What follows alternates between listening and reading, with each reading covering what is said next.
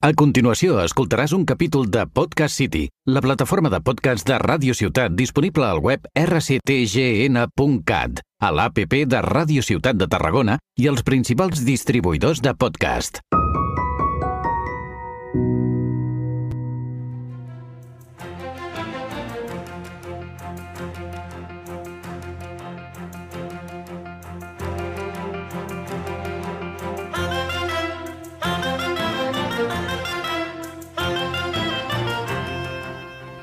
Benvinguts i benvingudes a un altre capítol de Les Veus de la Terra. Soc la Lucía Medina i avui tinc com a convidada a la Rosa Llorac, que va ser la primera dona en participar al Seguici de Tarragona. Com estàs? Hola, què tal? Molt bé, Sí? sí. Bueno, presenta't tu mateixa. Contenta d'estar aquí i agraïda per, per, pel fet de, de que m'hagueu convidat. Uh, jo sóc la Rosa Llorà, que vaig néixer a Tarragona el 1959 i sóc tarragonina de, de, de soc arrel, perquè me ve per totes les branques i, i bé, sóc una persona molt involucrada en el que és la cultura de la ciutat, la cultura part de cultura popular i bé, mm, és el meu llançament el, el fet d'haver pogut aportar a la cultura i, i al seguici de Tarragona el fet de la incorporació de la dona. Molt bé. Eh, com sabeu, aquest podcast tracta sobre donar veus a, veu, bueno, donar veu a dones que han fet coses i han estat involucrades en la lluita feminista i sempre intento fer dones eh, més pues, de la ciutat i pròximes. I doncs, què més de proximitat que Santa Tecla no? i les festes de Tarragona. I, bueno, com bé he dit abans, va ser la primera dona en participar al seguici de Santa Tecla, al Ball de Bastons, Exacte. el 1975, just quan ja acabava la dictadura, no? Encara, encara no, encara no acabava, però estava bé a punt de caure. Però, bueno, va ser, va ser un moment... Jo, jo soc de l'Esbar Santa Tecla i l'Esbar Santa Tecla va néixer el 1971 i llavors jo érem molt jovenets i vam començar a ballar i, i ballàvem danses i, i, i fèiem sardanes, però, però com a ciutat encara no... El, el que és el seguici no, no, no reneixia, quan va, va reneixer amb els ajuntaments democràtics realment, però hi havia el Ball de Bastons que sí que sortia i llavors eh, per motius eh, d'ells interns no van sortir aquell any i llavors nosaltres teníem el pare d'un dansaire nostre que va dir hauríem de recuperar això perquè si volem ser tarragonins el que, no, el que hem de fer és recuperar el nostre que no es perdi, no? Això que tenim tan a prop i s'hi van posar, s'hi van posar a, a, a ballar, però que en aquell moment, clar, el Vall de Bastons era tot de nois o homes, en el cas de, del Vall de Bastons de Tarragona, i nosaltres érem nois, joves, adolescents, i alguns ja més, més grandets, i, i van, bueno, van, van, van començar a fer-ho i van començar a assajar i sí, sí, anàvem. El que passa que nosaltres, eh, jo perquè, bueno, perquè per inquietud, me passava moltes hores als assajos amb ells i m'agradava ser-hi i m'agradava provar-ho i XX. I, bueno, perquè, bueno, perquè t'atreveixes a fer coses que, no tens por de fer, no? Bueno, O sigui, ho vas aprendre durant l'assaig, tu et posaves allà. Bueno, si els hi faltava algú, mentrestant m'hi posava, els hi deia, "Bé, deixa'm-ho fer, deixa'm els bastons una estona, i, i bueno, no sé. Ho normalitzaven. Sí. A mi m'agradava fer-ho i, i, i, bueno, no, no, com que érem de la mateixa colleta i tot, no, no hi havia problema ni, ni que es quedéssim, ni, ni... però potser era l'única que em quedava i me quedava amb ells. Sempre m'ha agradat molt estar, estar en el món de, de, de lo que és l'home per entendre, per entendre com ens veuen, no? Moltes vegades, i això ja de, de, de petita també també m'agradava saber... O sigui, jo jugava amb ells, perquè m'agrada fer les coses i, i així també veia com ells responien, no? moltes històries amb nosaltres. I, i per això era, era el dia a dia, eh? el dia a dia d'infant, adolescent i, i jugant. I llavors va arribar el, el dia Santa Tecla, que se sortia el 22 i el 23, el 22 van sortir i el 23 un noi es va posar malalt i em van dir, vols sortir? Doncs pues sí, T'ho van proposar. sí, sí. Han dit, t'hi vols posar? Sí. I cap noi va posar cap pega. Ningú, ningú, ningú, ningú. Ningú, ni, ni la persona que anava davant, que era el Pere Roca, que és ell qui m'ho va dir, t'hi vols posar tu? No, no, ells no, perquè, perquè nosaltres pujàvem d'una manera que érem bastant... Uh, Progressistes en sí, aquest aspecte. Sí, sí, que no teníem problemes. A veure, sí que en aquell moment fa una mica de respecte, no?, perquè allí tenien la roba d'aquest nano que es va posar malalt, però clar, la seva espardenya era un 39 o un 40 i jo en aquella època gastava un 37. I clar, vaig haver de trucar a casa meva des d'una cabina, me'n recordo, a la plaça de Font i dir-li al meu pare necessito unes espardenyes. Necessito les espardenyes. Les espardenyes? Les, les teves? Sí, sí. Per què? Perquè tinc que sortir, que he de picar, he de picar bastons. I el meu pare no va dir res i me'ls va portar. Vull dir que també podia ser... És, però és que no hi vaig pensar que els meus pares me diguessin que no, eh? Ja. O sigui, no em va passar pel cap que em diguessin que no a fer això. I en aquell moment, com en aquella generació els pares te deien que no a moltes coses, a no sortir de llei de nit, a potser, potser a no estudiar depèn de què perquè ets dona, o, o, o sigui, havia encara, estava molt delimitat la manera de, de, de tractar-nos a homes i dones, no? o nens i nenes, però en aquell moment no hi va haver cap problema. Van portar les espardenyes, me les vaig posar, me les vaig lligar i un mes, un mes de, del grup. I bueno, senties que la gent deia, hi ha una noia, hi ha una noia, però tampoc el públic, o sigui, sí que els hi va sobtar, però no... Ningú, va posar, ningú es va posar les mans al cap, ningú. I, I això aquí a Tarragona va passar de manera molt natural, vull dir, no, no... Va ser una casualitat que no vam tindre que forçar, va sortir bé i al cap, això era Santa Tecla 75 i el 76 ja, ja n'hi havia 4 o 5 que estàvem dintre dels bastons, després ja van començar a sortir a, a, amb els castells, a, o sigui, ja, la gent ja es va anar incorporant, les dones ja es van anar incorporant de forma progressiva. Perquè a partir d'aquell dia ja et van incloure per assajar i Sí, tot sí, el ball sí. de bastons Sí, sí. i no et van comentar mai res a lo o per què no has vingut abans o per què no t'hem inclòs abans, ningú va dubtar res de... No. no s'ho va preguntar ningú No, no, ningú es va preguntar res perquè, perquè et consideraven una més, un membre més del, del ball i ja està, més els hi valia, eh? perquè si me fan sortir un dia perquè els hi feia falta i l'endemà no em deixen, llavors sí que, que, que tenim pollo, perquè, per, però no, no, no, no va passar pel cap a ningú això, no. I crítiques ni de gent més gran d'aquella època, potser més tancadament, tampoc. Tampoc, tampoc. Per això et dic que la, la part cultural en aquest aspecte vam tindre molta sort. Molta sort de...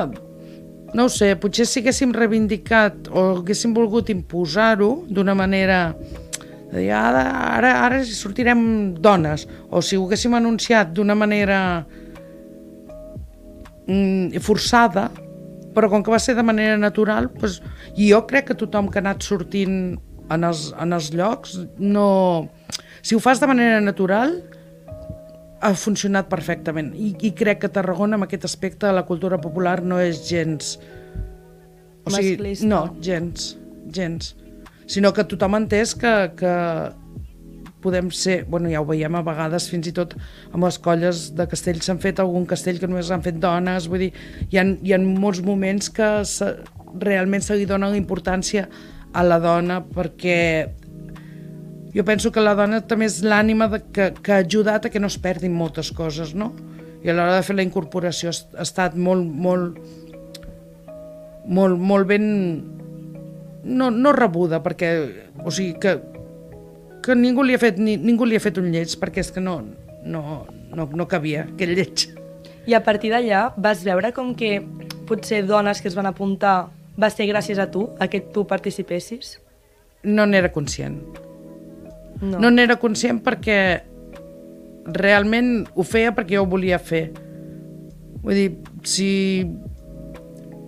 Jo penso que, que, que el que hem de ser són valents, no? De, com a persones, si tu vols fer una cosa, si tu marques un objectiu o, o vols fer una cosa i la fas perquè estàs convençut, que facin els de més, si jo avui, avui escolleixo un menú i tu escolleixes un altre, a mi no m'importa que escolleixis tu, m'importa perquè jo estic convençuda que jo avui vull menjar un filet. Pues, saps? I llavors això, jo crec que, que, que el que, el que hem d'estar és molt convençuts de nosaltres mateixos com a persones, no? I, i, i les dones, el que passa que moltes vegades no, no ens han donat aquesta oportunitat de, de poder pensar, quasi bé. I tu no vas pensar quan vas sortir en aquell seguici del dir ostres, ho, ho hagués pogut fer abans, hagués pogut sortir abans al seguici? No, No, no esperar-me una baixa. no, bueno, hagués pogut ser, però clar, pensa que nosaltres ho recuperàvem aquell any. Llavors, el grup va sortir al juny i al setembre ja vaig sortir jo. O sigui, Vale. Potser si hagués passat un any més o així hagués dit, haguéssim insistit de dir, i nosaltres què? O, o per què nosaltres no? O el que sigui. Però dins el món, dins el món de la dansa, de la, de la dansa catalana, o de la dansa que portem de lo que és d'arrel, que ja et ve de, de segles enrere, hi ha molt, molta tipologia de dansa on te, on te veus el senyor Faldal, on te veus els homes surten primer, les dones són les que, les que fan les que omplen o sigui, les que fan de bonito. Vull dir, això, això ho veus i llavors eh, també dins de la dansa catalana també s'està evolucionant molt. S'està evolucionant de manera de que nosaltres ara tenim els nostres nens petits quan, quan assaguen a, a l'escola de dansa Gasbar que ja no és filera de nens, filera de nenes, és la filera 1 i la filera 2. Molt Vull bé. dir, i, i llavors pues, qui es posa la 1 fa de nen, o, o fa, el, fa un paper i qui es posa de 2 fa un altre paper. Vull dir, tot això evoluciona, però és que sí, dins de la dansa catalana o evolucionem o ens quedem en un museu. Està molt bé tindre aquell record de que hi ha una gala de cap de bànol que és un senyor feudal que, que passeja amb, tota, amb, tota, amb la núvia i amb totes les xiques i li torna el seu home. bueno, clar, tot això és el dret de cuixa que deien abans, no? Pues tot, clar, tot això està allà, però està en un museu. Està bé que ho tinguem i que se recordem d'allò, de que això va passar i que era així, perquè quan arribem o sigui, de la manera natural que t'he dit que estem ara aquí, ostres, això no és gratuït, no és perquè molt, molta, molta, molta dona ha anat picant pedra darrere. Abans se deia que darrere d'un gran home sempre hi ha una gran dona. Mm. I la gràcia d'avui en dia és que hi ha grans homes i hi ha grans dones. Vull dir que Totalment. que ens, i ens podem complementar, no? Però, però que, que tu no has de demanar permís per ser qui ets. I això ha canviat molt. Ha canviat molt i en positiu i a bo. I això és l'important. Sí. I com et vas sentir tu mentre sorties? Observada. Observada però, però no preocupada perquè m'observessin. Jo estava preocupada per fer bé el que estava fent, perquè encara que m'hagués posat alguna vegada en algun assaig, òbviament no fer els assajos, o sigui, i el, i a, el nivell del repte és, és fer-ho bé i, i arribar a, a, a, a no fer-los malbé el ball, no? De, si és un ball d'un conjunt, tu estàs formant part d'un conjunt i, i si un falla, pot ser que desterotis a tots els demés. Però en el meu cas, bueno, doncs, mm, la meva parella, la meva parella picant era el, el que va ser o sigui, va, va ser la meva parella també després i, i, i m'ajudava, o sigui, tots, tots m'ajudaven a, que, a que allò funcionés, no? Deia que va tres, quatre, el que sigui, i, i no, no els hi vaig fallar. Els hi vaig picar els dits una miqueta només, però bueno. Bueno, ja està bé. Però això, això és, és, són aquelles coses internes, saps allò de darrere bambalines que no es veu? Doncs pues això és el que passava. Molt bé. I quan va acabar tot, quan va acabar aquell dia, com et vas sentir? Com una reina. Feliç. I no, no et passava pel cap de dir, he sigut la primera? No, no, ni em va passar pel cap durant molt de temps. Eh? Em va passar pel cap quan, crec que va ser l'any 99 o 2000, ara no ho recordo bé, que van fer perpetuadora de les festes, per aquest motiu. Ah, llavors dius, per aquest motiu? Ostres, és important. És important. És, és molt, jo crec que sí que és, que és molt important, però, però mm, no, no, no ho porto com un, com un... Un orgull. Sí, un orgull, sí. Ah, bueno. Jo em sento molt orgullosa d'haver-ho fet, però m'hi sento jo. No cal anar penjant cartells de què ho he fet. Vull dir, jo, jo, per mi, el reconeixement més gran que pot tindre una persona és veure que això ha funcionat i que ara està ple de dones. Bueno, però també, jo crec que en aquell moment també devia ser un referent, o sigui, pensa que potser hi havia nenes petites mirant el seguici i veure una dona per primer cop, també és important, no se li ha de treure la importància. No, O sigui, no, no, que, que té la seva importància. que passa que també t'he de dir que el seguici del 75 no és el seguici del, del 2000, Ja. ni el del 2020. El seguici del 75 hi havia, hi havia molt poca gent mirant. I, i arribava a Santa Tecla i la gent marxava fora perquè hi havia festa a Santa Tecla i a Mercè i se n'anaven dos dies vull dir, tot això o sigui, ho hem de posar en el context del moment social que estava passant no? avui també em feia gràcia perquè crec que ha sortit una foto a les notícies i sortia el primer govern a l'època de Felipe González i clar, surt aquella fotografia a part que es veus ja el, els vestits, els referents de, de fa molt temps però, però veus que tots són homes tots són homes. I dius com han canviat les coses? Per bé, per bé nostre, per bé nostre.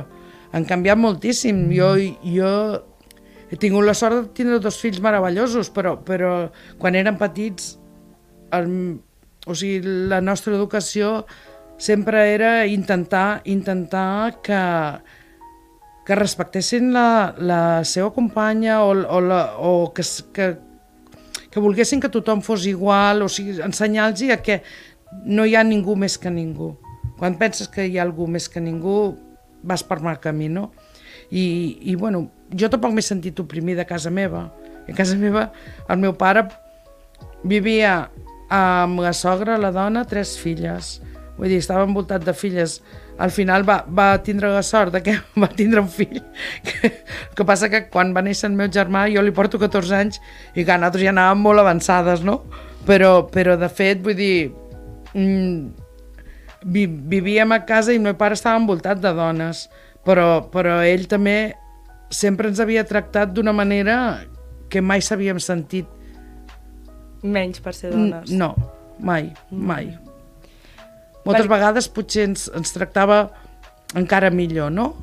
Ens valorava molt, com a dones i com a filles i, i com a la, a la meva àvia, que és la seva sogra, vull dir, i la seva dona, òbviament. La meva mare, per exemple, la meva mare porta des de... perquè la meva família tota està posada dintre l'Esbar Santa Tecla, van fundar en aquell moment, i la meva mare té 88 anys ara i porta des del primer dia darrere.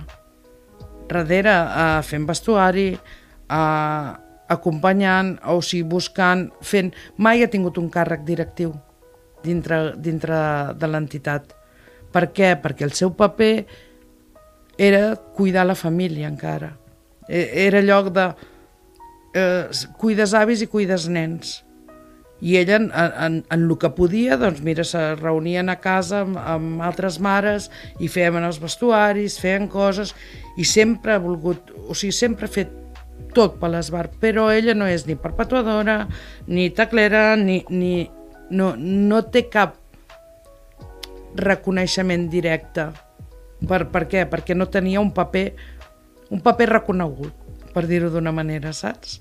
Ja. I tu ets la presidenta, no? Sí. De l'Esbar. Soc la presidenta de l'Esbar des de fa 25 anys, perquè el primer president va ser el meu pare. Ho, va, ho vau fundar, la vostra família? Sí. Bueno, eh, ho va fundar el Jordi Salvat, que és el noi que, que se n'anava a estudiar a Barcelona i d'allí aprenia les danses i ens les ensenyava aquí, però la primera junta, quan va formar la junta, el meu pare ja va ser el primer president. I llavors va estar 25 anys sent-ho, però clar, jo amb el meu pare sempre l'ajudava a... Bé, l'ajudava fins i tot... Ara te parlaré, quan hi havia Ràdio Tarragona aquí fa molts anys, es feia un programa de sardanes i que es deia La Capona.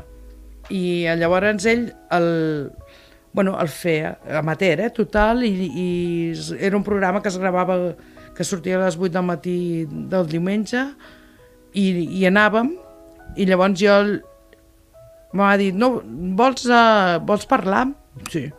És el que t'he dit si no et fan por les coses i les fas de forma amb ganes, doncs, ja vaig començar amb ell a Lliga Capona, jo devia tindre pues, 13 o 14 anys només, i ja fèiem el programa tots dos, li acompanyava, o quan havíem de d'anar a fer una entrevista, que et demanaven una cosa de l'esbar, també hi anava amb ell, o ja vaig aportar jo aquests papers, o si s'havien de presentar.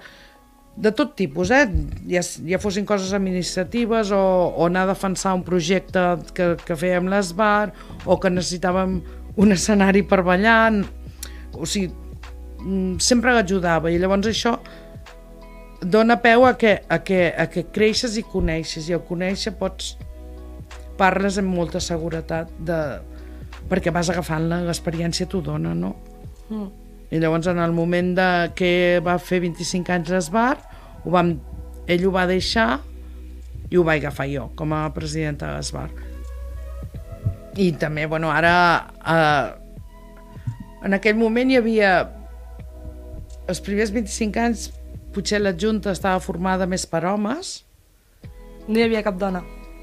Jo em sembla que estava vocal, una vocalia de comunicació o una cosa d'aquestes, però, però o hi havia la part de, de regidoria de vestuari, que venien el, alguna de les mames que ens, que, ens, que ens vestien o ens ajudaven o, amb el vestuari. Però després, a partir els, potser els últims cinc anys del meu pare ja van incorporar dones com a, com a vocals i ara i ara te diria que són més dones que homes en aquest moment i si no estem a la part, em sembla que en tenim un, dos, tres, quatre, sí. Com, com, a, com a quatre, o sigui, com els quatre càrrecs que és president, vicepresident, vocal, eh, secretari, tesorer, som dos homes i dos dones. Vull dir, l'equip directiu com a tal som paritat total. Pues totalment. I vot, i vot de presidència el meu. Clar que sí. Perquè creus que hagués sigut problemàtic si, per exemple, aquesta baixa hagués sigut 10 anys enrere? O 5 anys enrere, no cal anar molt lluny. Creus que hagués sigut diferent? Vols dir que fins ara es, es, haguéssim estat...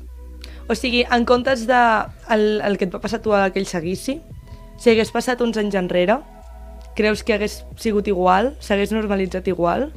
O hi haguessin hagut problemes o conseqüències. O sigui, si això hagués passat el 2015. No, no, no, ah, uh, lo del el, 75. El 70? Sí, 70 o el 65. Doncs no crec. No, ni per partits polítics, bueno, la dictadura, en aquell moment. No, no crec, no crec perquè la cultura popular eh, no us importava. Que fort, no ho hagués pensat mai. No, no us importava, vull dir, amb ells els importava que hi hagués la pobilla, per què no un hereu? Anem a la inversa. Què passa, que nosaltres anem a fer bonic i ells no? O ho estàs fent perquè realment la pobilla t'importa? O sigui, si tu defenses perquè la pobilla és un càrrec, és un paper, però dona-li prestància, no? No, no, perquè, no perquè tingui no perquè tingui que quedar bonica les fotos.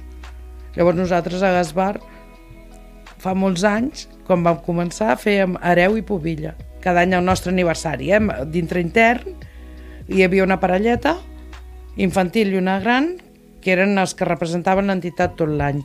Què vol dir que representaven l'entitat tot l'any? Pues jo que sé, que vas a ballar en un, un festival i t'havien de donar una placa, havien d'anar a buscar-la i anaven ells. Vull dir, aquesta era la representació. Però eren dos, eren un i, hereu i pobilla. Molt bé. I després ja vam deixar de fer perquè creiem que és una cosa que queda com un càrrec una mica estrany, no? Mm.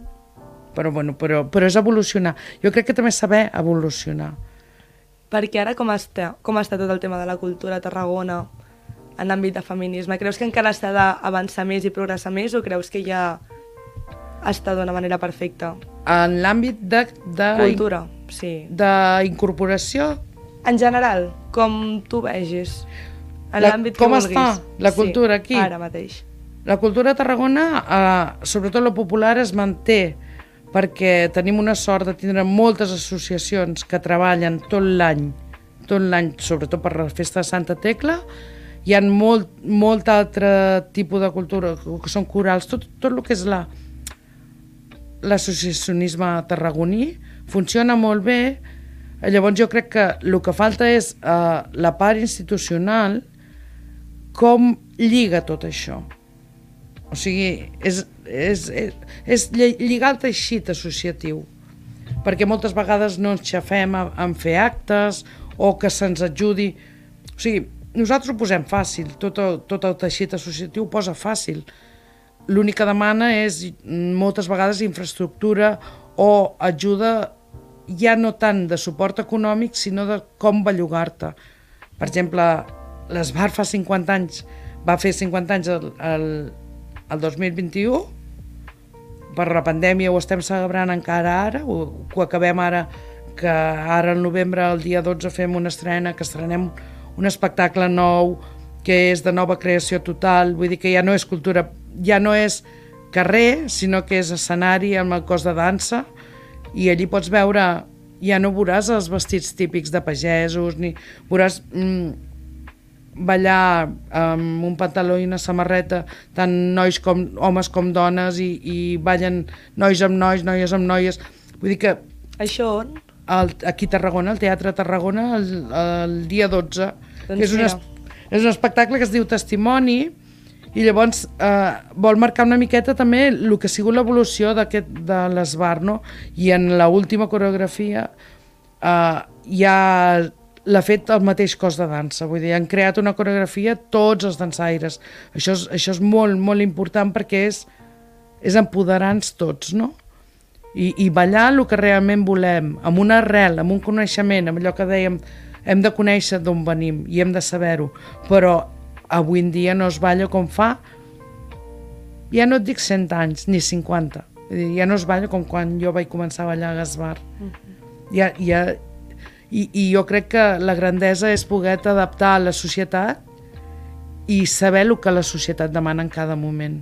Perquè això, bueno, aquí a Tarragona, pel que dius, encara tenim sort, però ja en, em sembla que va ser un ball de diables que no sé de quin lloc és exactament, no me'n recordo, que només eren homes i, i deien que no acceptarien a dones perquè era tradició. Perquè jo no diria que això és una tradició mal entesa, eh? tampoc, tampoc vull dir això, perquè mm, crec que, que si per ells la tradició és això, però ho has d'argumentar. O sigui, has d'explicar el per què fas cada cosa, no? I, per exemple, a Vilanova hi ha balls de bastons i hi ha balls de bastons d'homes i hi ha ball de bastons de dones. O sigui, no és un mixta. I per què? Doncs perquè suposo que, que els, uh, uh, això depèn de cada, de cada estructura i de cada entitat, no? però per exemple, si ells tenen, te diria que deuen ser 16 homes, allí no entra ningú fins que un no plega. I clar, si un no plega fins que té 60 anys, doncs igual has perdut dues generacions per mig. I llavors suposo que cadascú ha d'adaptar-se a fer les coses d'una manera o una altra i devien dir les dones, nosaltres també ho volem fer, doncs fer una a un. I... Ja, però el fet de dividir ja amb homes i dones... Perquè, perquè a tot arreu no s'evoluciona mateix, en la mateixa velocitat, en el mateix nivell. Jo anava, jo anava a escola i a la meva escola no hi havia nens.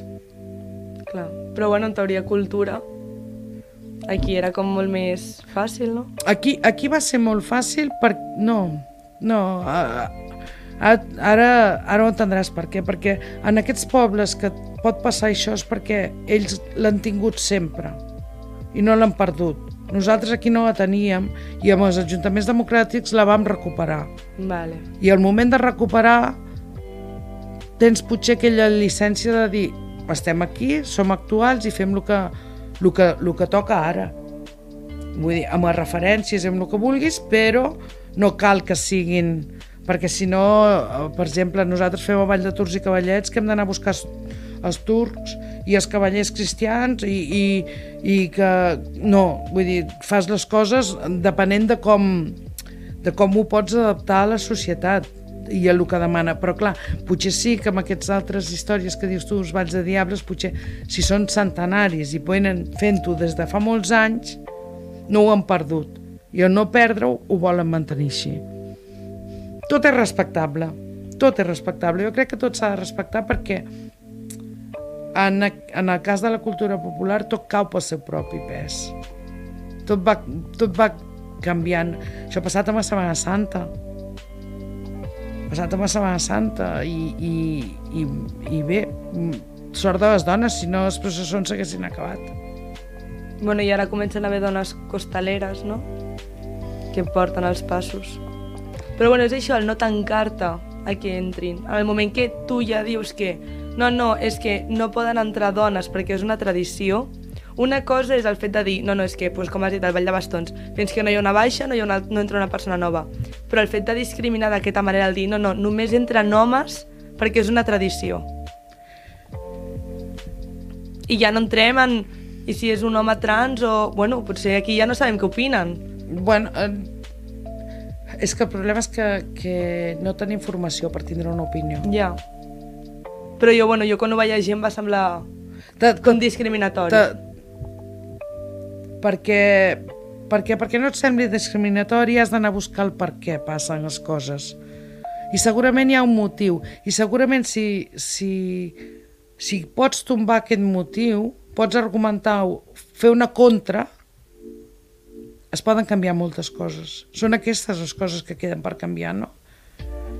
Perquè, perquè jo crec que moltes vegades no esperem a pensar per què fem les coses. I si has... Per què ho fas això? Perquè sempre ho he fet. I això vol dir que estigui ben fet? Clar. No. Per què arribes tard a casa? És que sempre hi he arribat tard a casa. Això no sabia que estigui bé.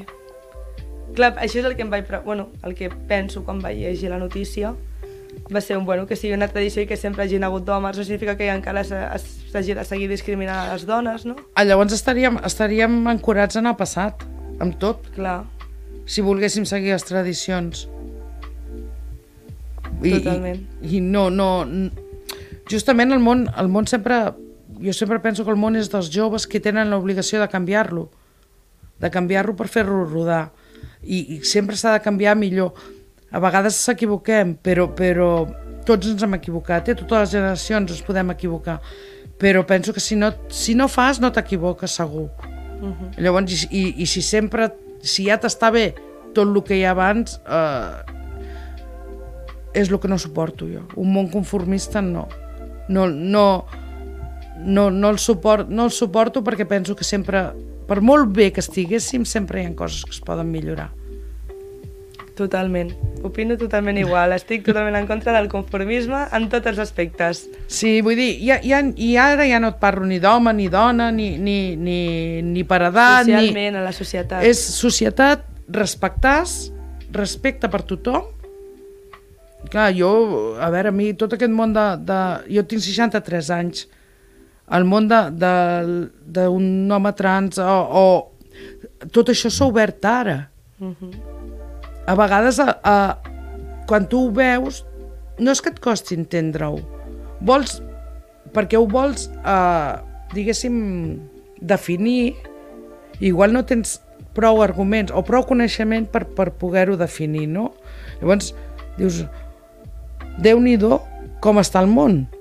Per, però, bueno, llavors, jo penso que, que el més important és respectar l'individu com a tal, i si tu respectes l'individu com a tal, a, a tu t'ha de ser igual, és que és com si, si, si un té una creença religiosa, si algú porta pantalons o porta faldilles, què, què t'importa? Jo sempre... Bueno, hi ha una, una frase que em va dir una profe que se'm va quedar molt, que era jo ho respecto tot menys la intolerància. I és això, al final és igual l'edat que tinguis i, i d'on siguis, eh, la cosa és respectar. A vegades hi ha molta gent que li costa entendre pues, aquestes coses, ara també el gènere no binari, hi ha molta gent que no ho entén, però jo sempre dic, és que no cal que ho entenguis. O sigui, tu mentre respectis a la persona i ja està, no... I al final són també temes que trobo que t'ho han d'explicar persones per, si vols entendre el tema del gènere no binari, t'ho ha d'explicar una persona del gènere no binari, penso jo, per, perquè no sé, millor, jo, jo crec que, millor que o... quan tu vols aprofundir en alguna cosa has d'anar a buscar els experts en Exacte. aquestes coses. No, Però- a veure, tu si et poses davant d'un quadre, un quadre, per molt maco que sigui, o per molt, molt pintor d'anomenada que tingui una obra d'art, qualsevol, te pot agradar o no et pot agradar. Totalment. Senzillament, perquè, perquè el gust és, és una altra història. O pots entendre o no pots entendre, però no pretenguis entendre'l. Te pot inspirar o no et pot inspirar, però no pretenguis entendre-ho perquè no ho hem d'entendre tot en aquesta vida. Clar, mentre hi hagi respecte, allà entra tot. Jo crec que ens podem complementar tothom, tothom, però sempre des d'un respecte. Totalment. Bueno, ha sigut un plaer estar aquí amb tu. Si vols alguna cosa més que creus que... No, pues agradat que continuem, continueu fent aquests programes perquè són, són realment interessants i penso que la- que l'opinió sempre pot ajudar a, a, que, a que entre tots fem un món millor, que ja, ens, que ja, ja el necessitem també. Totalment. Doncs moltíssimes gràcies per venir. Gràcies a vosaltres per convidar-me. Fins aquí el capítol de Veus de la Terra. Recordeu que podeu seguir en xarxes arroba les veus de la Terra, al podcast, eh, a TikTok i a Twitter, i fins la propera.